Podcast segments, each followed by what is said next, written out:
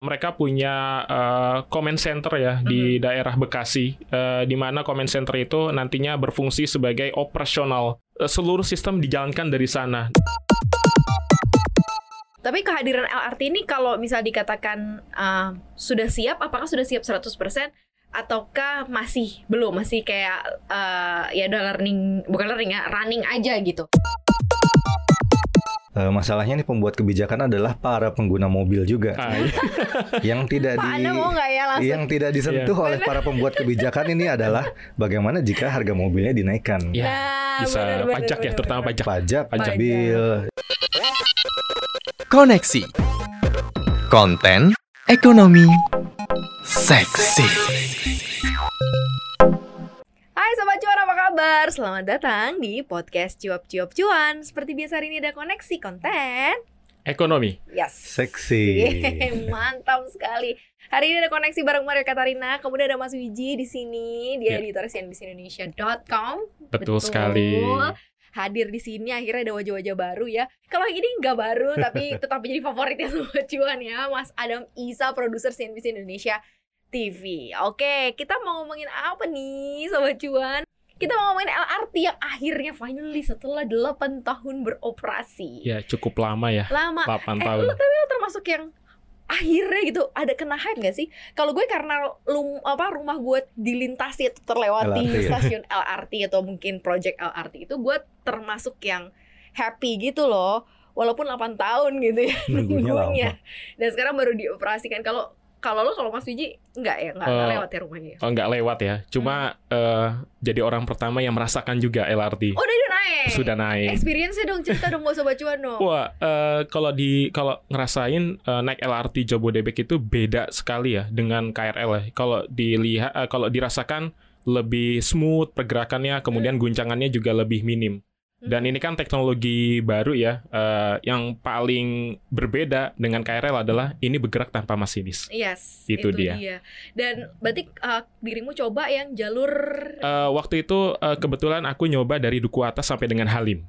Duku atas sampai dengan Iya. Halim. Berapa menit tuh Duku atas? eh kurang ini ya apa namanya nggak inget ya berapa menit ya pada saat itu karena eh, fokusnya pada saat itu kan eh, ikut eh, menteri juga jadi eh feel-nya tetap dirasa tapi eh, untuk eh, waktunya lupa tuh berapa Lupa. Berarti tuh saking menikmatinya ya. menikmati, betul saking sekali enjoy-nya di dalam situ sampai nggak tahu deh gitu ya. yang pasti yang pasti cepat cepat, cepat. nggak lihat kemacetan Iya. juga gitu. Tapi kan ada banyak artikel baru-baru ini katanya tidak di uh, setting untuk si uh, orang-orang yang bertubuh tinggi. Bener Hmm. nggak sih katanya karena banyak yang bilang katanya untuk 180 mel, apa sentimeter 180 tuh harus berkata. tunduk katanya. Oh. Bener nggak sih kalau yang dilihat Mas Wiji? Kalau dilihat enggak ya. ya kalau kalau dilihat secara secara uh, fisik uh, LRT Jabodebek ini sebenarnya hampir sama dengan KRL ya. Hmm. Jadi semua orang sebenarnya bisa naik dan itu uh, tergantung nanti uh, bagaimana cara si orang itu menempatkan diri aja ketika masuk ke dalam LRT Jabodebek itu. I see. Oke, berarti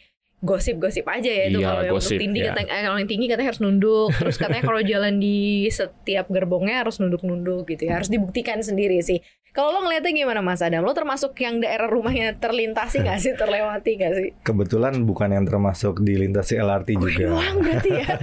Yang girang Tapi gue dari kayaknya. dari zaman masih kecil adalah penumpang Zaman Nabi Adam. setia KRL. Jadi rumahnya adalah di tidak jauh dari KRL listrik kan, kereta rangkaian listrik. Kalau LRT ini kan memang sebenarnya buat apa namanya? masyarakat yang belum tersentuh transportasi umum massal yang lumayan cepat dan murah ya kereta Iya. gitu kan.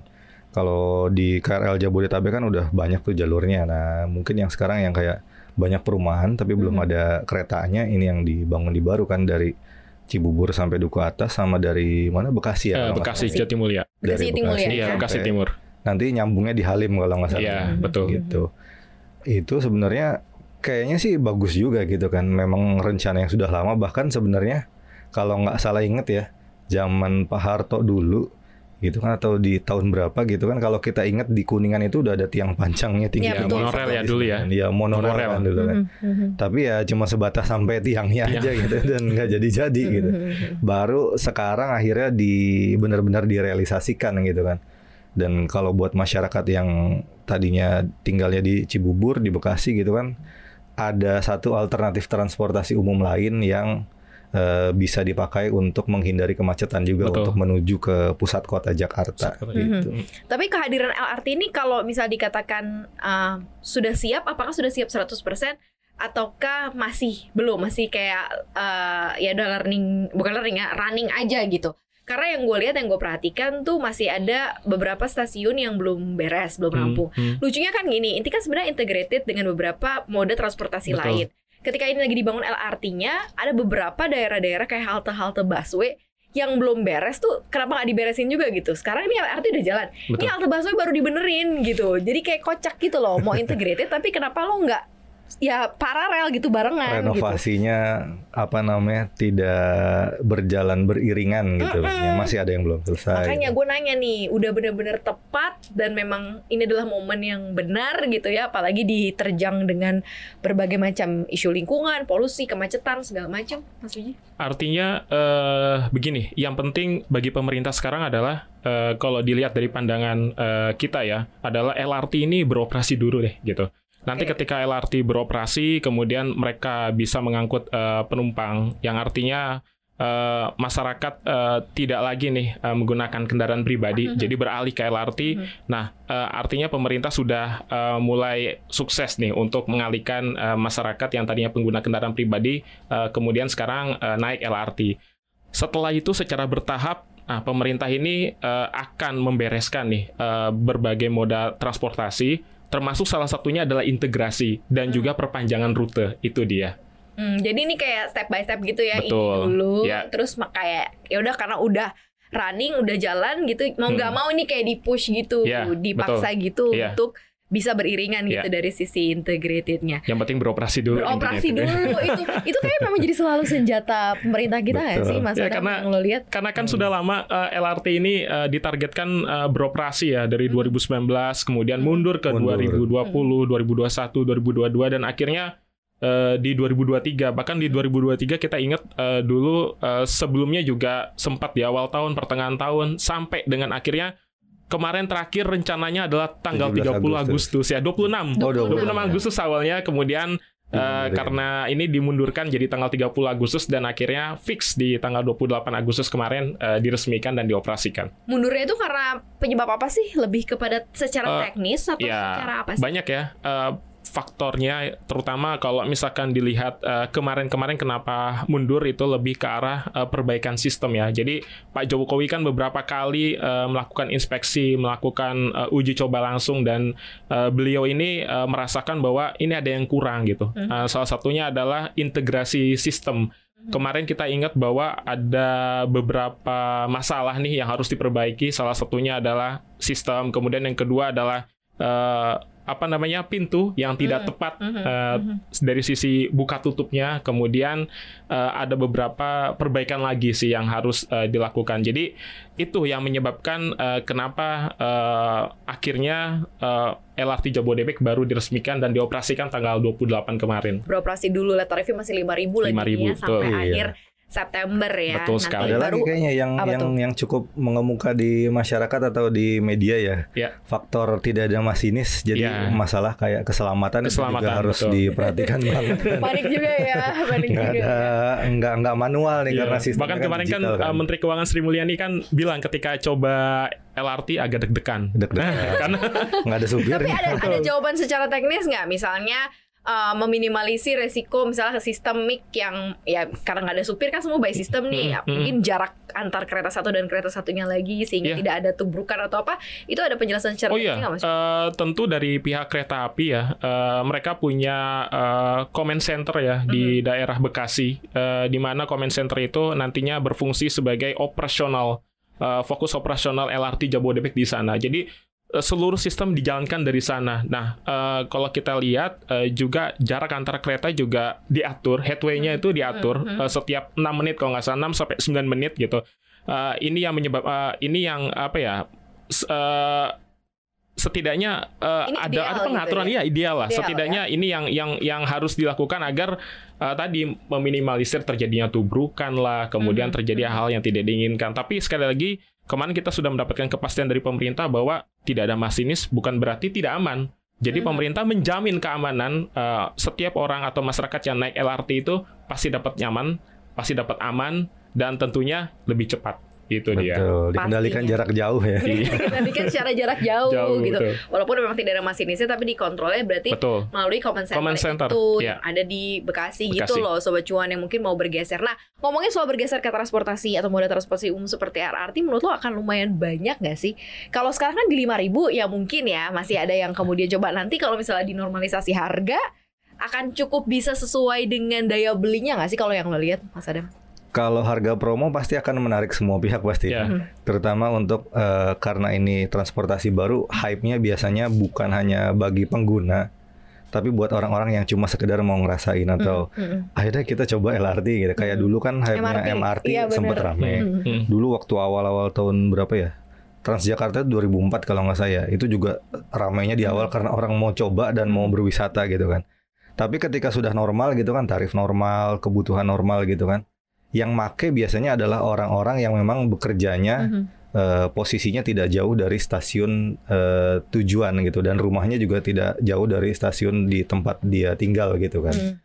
Berarti ini masih cukup segmented gitu kalau untuk Jabodebek misalnya dari eh, kisaran Cibubur Jakarta Timur ke Halim gitu kan terus Bekasi Mhm. eh, sampai ke Halim dan masuk ke daerah Duku Atas di sini ya. Eh, sebelumnya kan MRT juga sama kayak gitu. Kalau nggak salah saya pernah baca targetnya adalah 120.000 ribu Iya. penumpang per hari ya kalau nggak salah. Kemarin Pak Jokowi 180.000. ngomong 180 ribu ya. 180 ribu dan Tapi- sekarang 80 ribu, 80.000 ya. cuman. Iya, tapi pada kenyataan kan ternyata masih di bawah gitu. Masih di bawah. Mhm. Nah, saya saya belum nyobain LRT tapi cukup sering mencoba MRT gitu kan. Di jam sibuk memang cukup ramai dia, tapi tidak sampai sepadat KRL gitu kan Hmm. karena KRL mungkin udah dari zaman Mhm, dulu ya. mhm. Jadi banyak perumahan yang sudah apa namanya adanya di jalurnya KRL dan itu di jam-jam sibuk aja biasanya ramainya. Di MRT sudah kelihatan nih, udah mulai apa rame di jam-jam sibuk. Nah pada saatnya nanti mungkin perlu beberapa waktu lagi, apalagi kalau nanti jalurnya sudah apa namanya bertambah ya dari Hmm. Duku Atas nanti kalau nggak salah diperpanjang lagi nanti di Hmm. yang dari Cibubur kalau nggak salah diperpanjang ke Sentul juga ya Iya, Mhm. sampai Bogor ya. sampai Bogor. Terus MRT juga masih ada proses pemajangan jalur Iya. itu eh, seiring dengan bertambahnya jalur biasanya dia akan penumpangnya akan semakin banyak sih. Karena kita ngeliat dari contoh KRL yang sudah existing gitu. Iya, Gitu. tapi beda ya kalau daerah-daerah yang dilewati KRL tuh beda banget gitu dengan Benar. apa yang menjadi stance-nya LRT maupun juga MRT ya. Hmm. Yang yang lo lihat nanti akan seperti apa sih sukses story-nya LRT ini akan cukup Iya. banyak nggak sih masyarakat yang khususnya daerah-daerah yang dilewati sama Iya. LRT untuk eh, pindah moda transportasi. Kayak Iya. tempat gue aja sebenarnya untuk menuju ke sana harus pakai transportasi lain, transportasi Betul. online Iya. dulu nih. Pakai ojek dulu atau situ. bawa motor atau bawa mobil. Bener gitu. Bayar parkir lagi. Ha-ha. Dan Bayar kemudian jarak-jarak eh, dari turunnya menuju kantor nih, kalau misalnya itu kan depan Smesco ya berarti ya. Iya. Iya, Lumayan harus juga ternyata. jalan kaki atau naik ojek. Nah, itu dia. Jadi lumayan. Jadi ya untuk di beberapa orang mungkin ada yang tidak terlalu menjawab juga kebutuhannya gitu. Masih gampangan mungkin Iya. pakai kendaraan pribadi. Kamu ngeliatnya gimana, Mas? Kalau kalau dilihat ke depan tentu kalau masyarakat itu melihat dari sisi tarif ya. Hmm. Tarif ini penting sekali dijaga eh, oleh pemerintah. Eh, makanya dengan sekarang tarif flat eh, sampai dengan akhir September eh, Rp5.000 ini menjadi indikator eh, bagaimana nih kesuksesan operasional LRT Jabodebek di tahap pertama. Nanti ketika ini dilepas, eh, kan pemerintah juga sudah mulai eh, bikin rencana untuk eh, apa namanya memberlakukan tarif eh, promo Hmm. sampai dengan Februari 2024 di mana tarif terjauh itu adalah di bawah 20.000 gitu. Kalau kita lihat eh, tarif terjauh dari eh, Duku Atas ke Jatimulya kan 23.900. Kalau secara keekonomian itu mahal banget gitu Yap, dibandingkan kita eh, naik 23.000 KRL ya? atau iya naik Wow. Transjakarta itu 3.500 Oke, oke, sangat murah oke, gitu loh. oke. Eh, ini yang penting. Jadi pemerintah harus menjaga nih eh, tarif eh, LRT Jabodebek agar bisa diakses oleh semua masyarakat. Nah, kemudian yang kedua, kalau dilihat dari perbedaan antara KRL dan LRT ini sebenarnya ada ada pasar yang berbeda sebenarnya. Mhm. Kalau dilihat dari jalur, jadi jalur antara KRL dengan LRT ini berbeda. Kalau LRT Jabodebek kita lihat bahwa persimbung, persinggungan lainnya atau jalurnya ini adalah eh, dia membelah tengah kota. Jadi Oke. eh, dia langsung ke masuk ke pusat bisnis Mhm. di Jakarta sehingga masyarakat yang berkantor di wilayah Kuningan, di wilayah Sudirman itu jauh lebih enak naik LRT Jabodebek gitu. Mhm. Nah, kalau dilihat hari ini juga cukup banyak nih yang yang naik LRT Ya, Jabodebek ya, gitu. ya.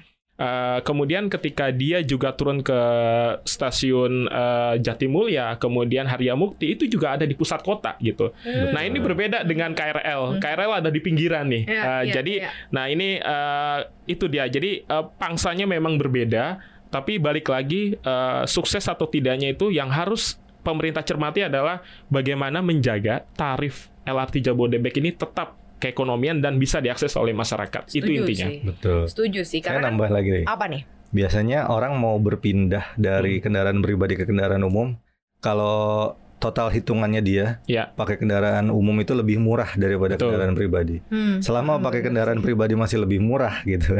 Hmm. Itu mungkin untuk ber, apa namanya untuk pindah ke transportasi umum agak susah. Iya. Mhm. Satu, yang kedua mobilitas.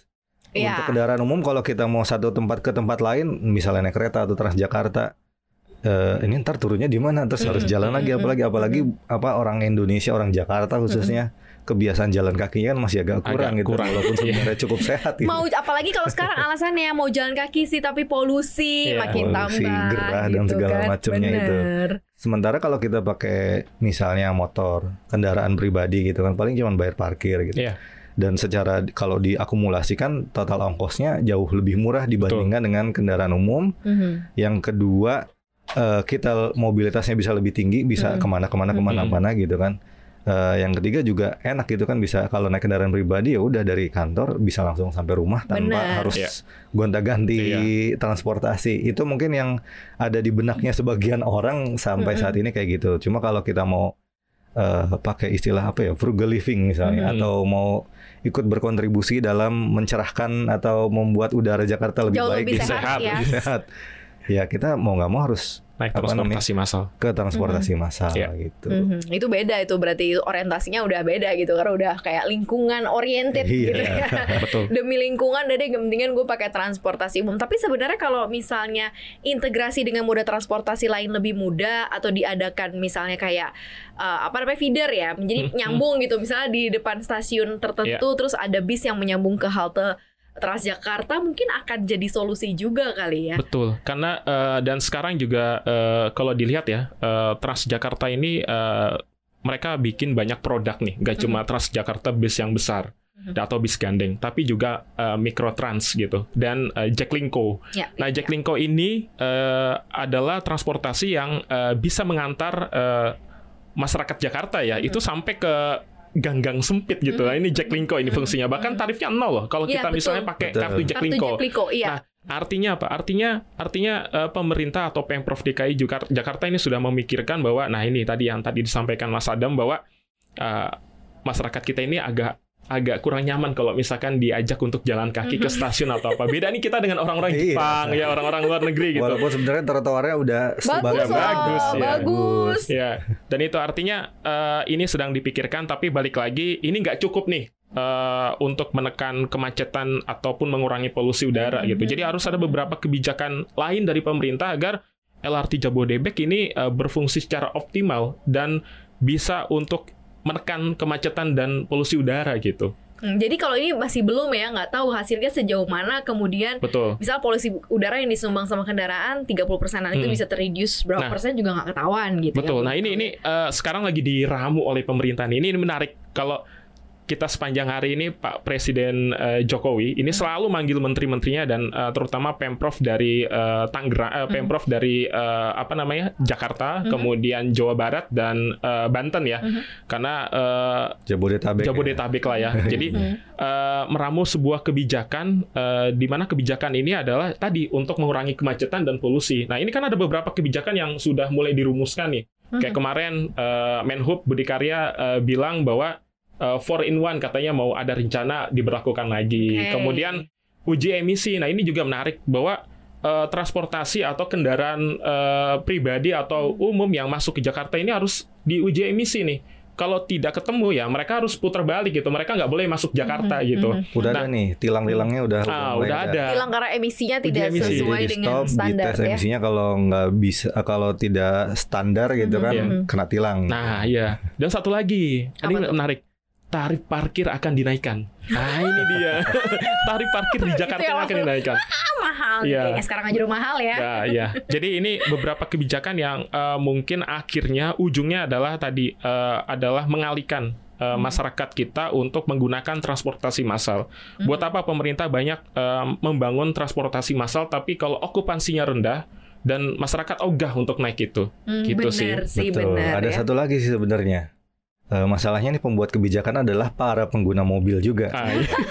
yang tidak Pak di mau ya langsung? yang tidak disentuh oleh para pembuat kebijakan ini adalah bagaimana jika harga mobilnya dinaikkan. Ya, Nah, bisa bener, bener, pajak ya, bener, terutama bener. pajak. Pajak, Pajak. mobil. Jadi Iya. tidak usahlah ada kayak eh, apa namanya subsidi kendaraan bermotor misalnya un- terutama kendaraan roda empat terus mhm, untuk para mhm. pejabat tidak usahlah dikasih mobil-mobil dinas gitu kan. Mhm, mhm. Kayak di misalnya di Singapura atau Jepang gitu kan. Ketika harga kendaraan pribadi sudah mahal gitu kan.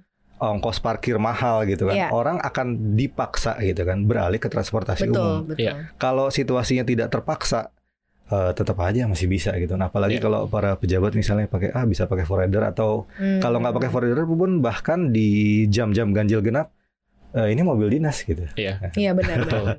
Ya, Kayak masih- ada kekhususan gitu. Iya masih banyak yang spesial-spesial gitu ya di Betul. tengah. Jadi kan orang kalau di masyarakat jadi kayak ah mereka aja bisa gitu kan. Hmm. Heeh, Jadi ngapain gua ngikutin gitu. Hmm, betul. itu mungkin beban Kalau tidak ibu kota ya. dicontohkan oleh para pembuat kebijakan orang-orang yang di atas ya masyarakat di bawahnya juga mungkin agak ya ngapain gitu agak skeptis mungkin jadinya ya. Mhm, Iya. mhm.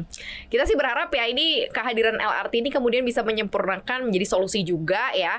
Menyempurnakan integrated transportasi di Jakarta khususnya ya dan juga daerah-daerah sekitar penghubung Jakarta karena rata-rata kita itu pekerja di Jakarta tuh tinggalnya di suburban gitu ya di pinggiran kota. Betul. Ya, Hampir kom- sebagian kom- komuter besar. ya, kom- Komuter. komuter. Iya.